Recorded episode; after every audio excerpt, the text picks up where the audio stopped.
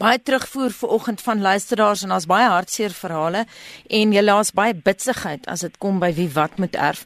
Kom ons begin egter eers uh, op 'n praktiese noot. Wat is die grootste fout wat die publiek maak in terme van testamente opstel? Ehm um, daar's 'n hele paar. Ehm um, ek ek dink die, die belangrike een is is genoem deur een van die persone wat op SMS gereageer het. En dis die neiging om by die graf te wil regeer. Ehm um, daar is 'n uh, 'n hele rits hofsaake waar dit in die howe duidelik geword het hoe vertiel dit is om uit die graf uit te probeer regeer. Ehm um, dan is daar ook natuurlik die die groot fout wat mense maak is om te dink, wel ek het nie veel nie, so ek het nie 'n testament nodig nie of ek uh, ek kan 'n baie kort testament opstel en dan word daar um, goed uitgelaat wat um, wat baie belangrik kan wees.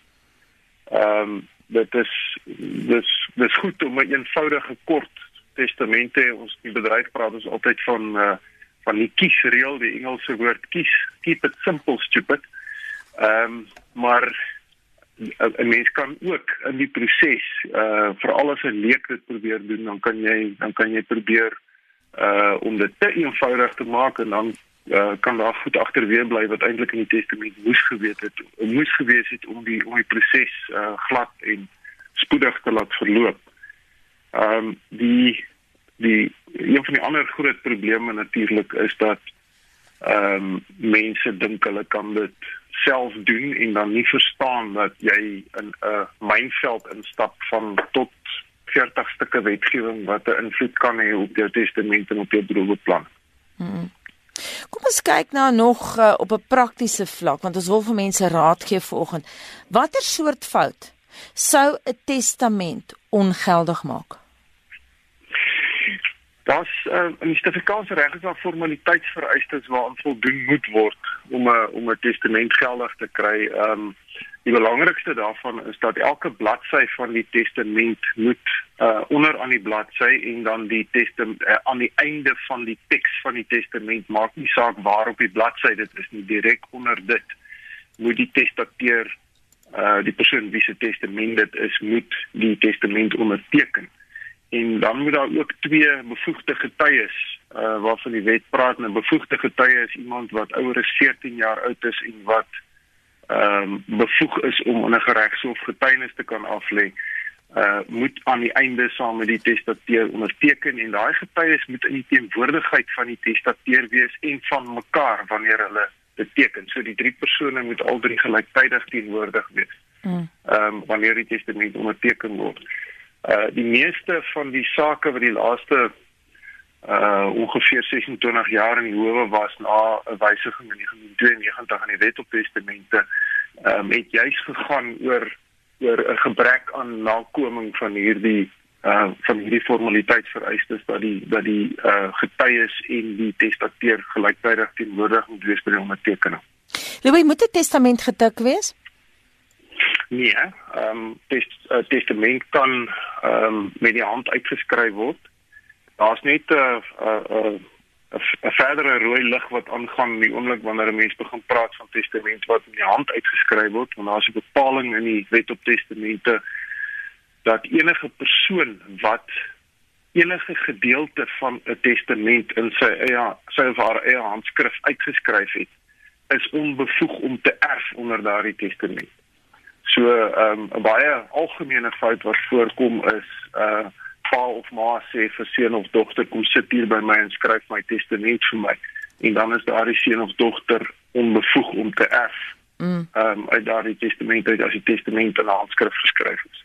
Nou ons het heelwat vrae vanoggend en ek gaan hierdie vrae aan jou stel. Ek het nou net 'n e-pos gekry van Marinda Moorcraft. Sy sê my sus, 66 jaar oud, kry net 'n staatstoelaag. Sy het 'n gestremde 40-jarige dogter wat heeltyd versorging nodig het.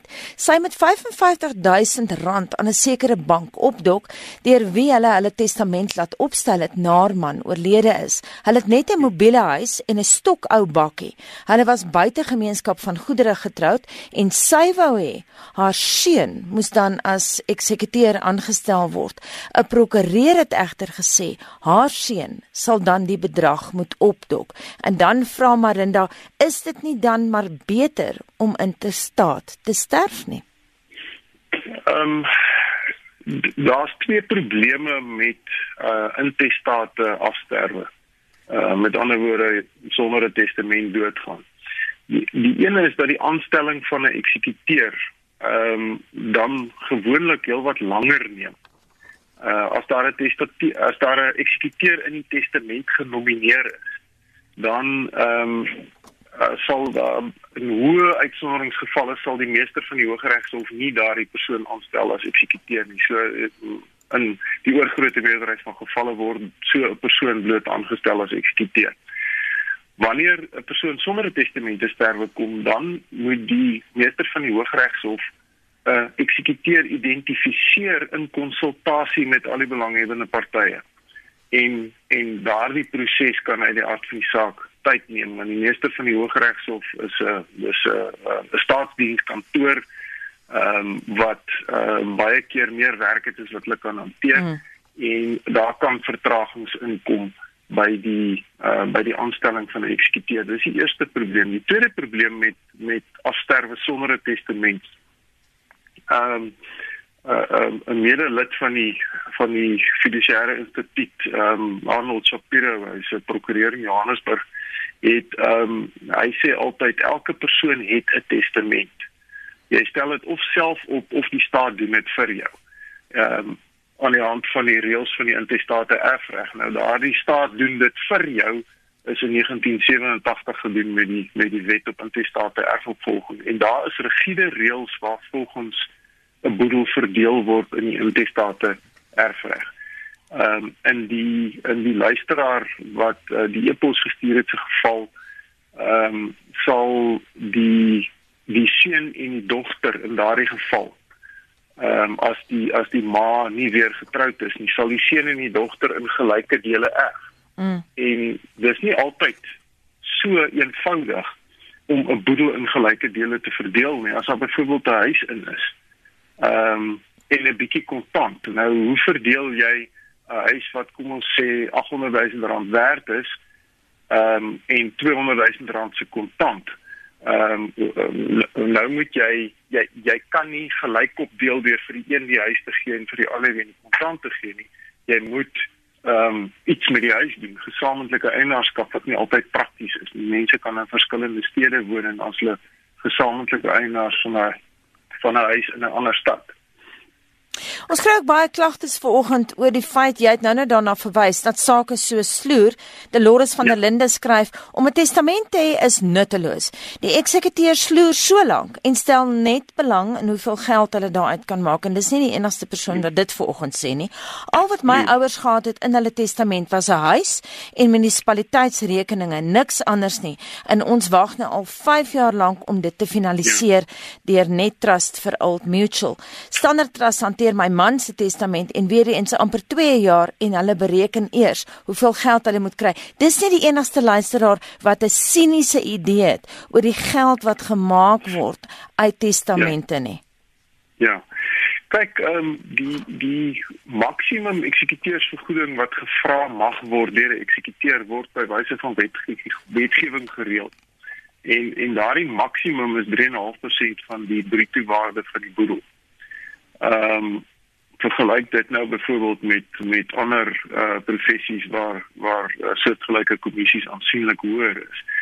Ehm um, maar die die grootste enkele probleem wat vertraging by die afhandeling van 'n boedel veroorsaak is as daar onvoldoende kontant in die boedel is. Mm. En daar daar is altyd kontant nodig in 'n boedel. Daar is mediese rekeninge wat betaal moet word, daar is uh, uh ander skuldeisers wat hulle ontvleis wil hê.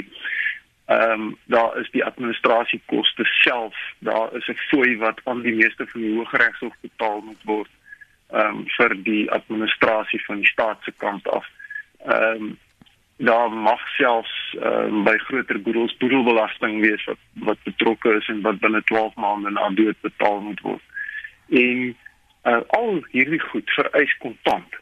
En as daar onvoldoende kontant in die boedel is, dan kan die eksekuteur fisies nie die boedel afhandel.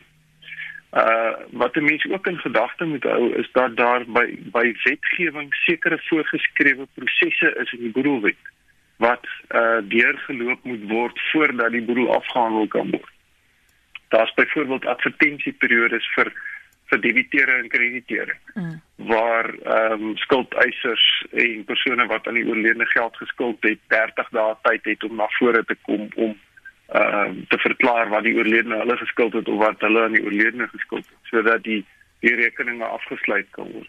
Uh, wanneer die likwidasie en distribusie rekening ehm um, uh, opgestel is, moet dit geadverteer word vir 21 dae. En dan is die eksekuteur natuurlik ook afhanklik van die samewerking van die kantoor van die meester van die Hooggeregshof wat die reguleerder is wat moet kyk dat hierdie hele proses ehm um, glad verloop en en al hierdie goed neem tyd. Ek is nou verward. Jy het eers gesê 30 dae en toe 21 dae. Ja, die die 30 dae periode is aanvanklik wanneer die die brederingsproses van die boedel begin. Ehm um, dan word daar 'n advertensie geplaas wat vir wat vir skuldeisers en en skuldenaars uh, eh, 30 dae kans gee om na vore te kom.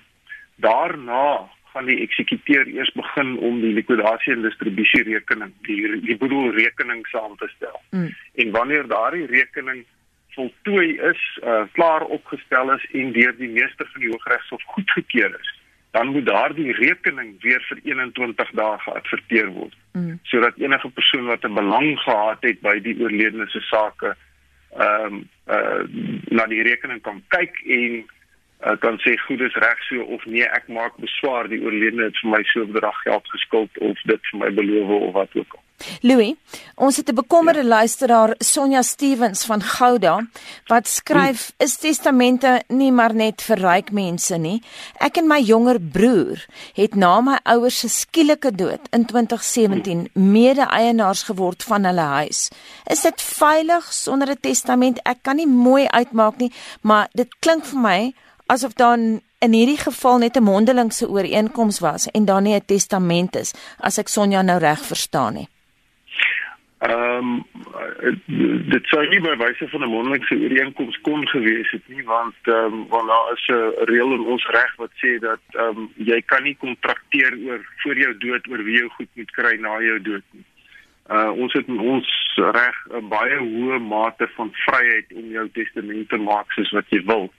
Ehm um, so dit dit moes of uit uh, 'n uh, testament gewees het of dit kon wees dat hulle die enigste twee nasate is en dat hulle dus uh, om die helfte die boedel geërf het onder die intestate reëls. Ehm um, en en as gevolg daarvan is hulle nou mede-eienaars van huis. Dis presies waarna ek vroeër verwys het dat ehm um, dat dit 'n probleem kan skep. Ehm um, wanneer wanneer enige een van hulle nou 'n testament wil maak, dan dan uh, is die praktiese situasie dat uh, elkeen van hulle net helfte van 'n huis besit. Mm ehm um, en en hy kan nou nie eintlik verdeel word nie. So jy sit met gesamentlike mede-eienaarskap. Ehm um, wat by 'n huis wel moontlik is, maar byvoorbeeld by dinge so plaas glad nie. So dit is dis deel van die rede hoekom ons in die bedryf sê wel dis nie so 'n goeie idee om dood eenvoudig maar te sê wel ek het nie veel veel nie um, ek kan maar intestaat dood. Baie dankie en so sê die uitvoerende hoof van die Fiduciêre Instituut van Suid-Afrika Louis van Vieren.